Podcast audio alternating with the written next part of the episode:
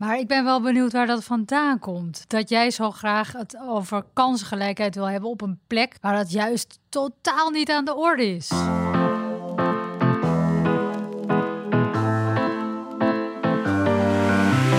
Welkom bij Klimmen zonder quotum. In deze podcastserie praten we met jonge vrouwen die schaamteloos voor hun ambitie gaan. Ik denk dat ik wel een keertje het uh, imposter syndroom de deur uit mag, uh, mag kicken, zeg maar. Precies, ik denk dat het ook die boosheid is die me heeft gedreven van...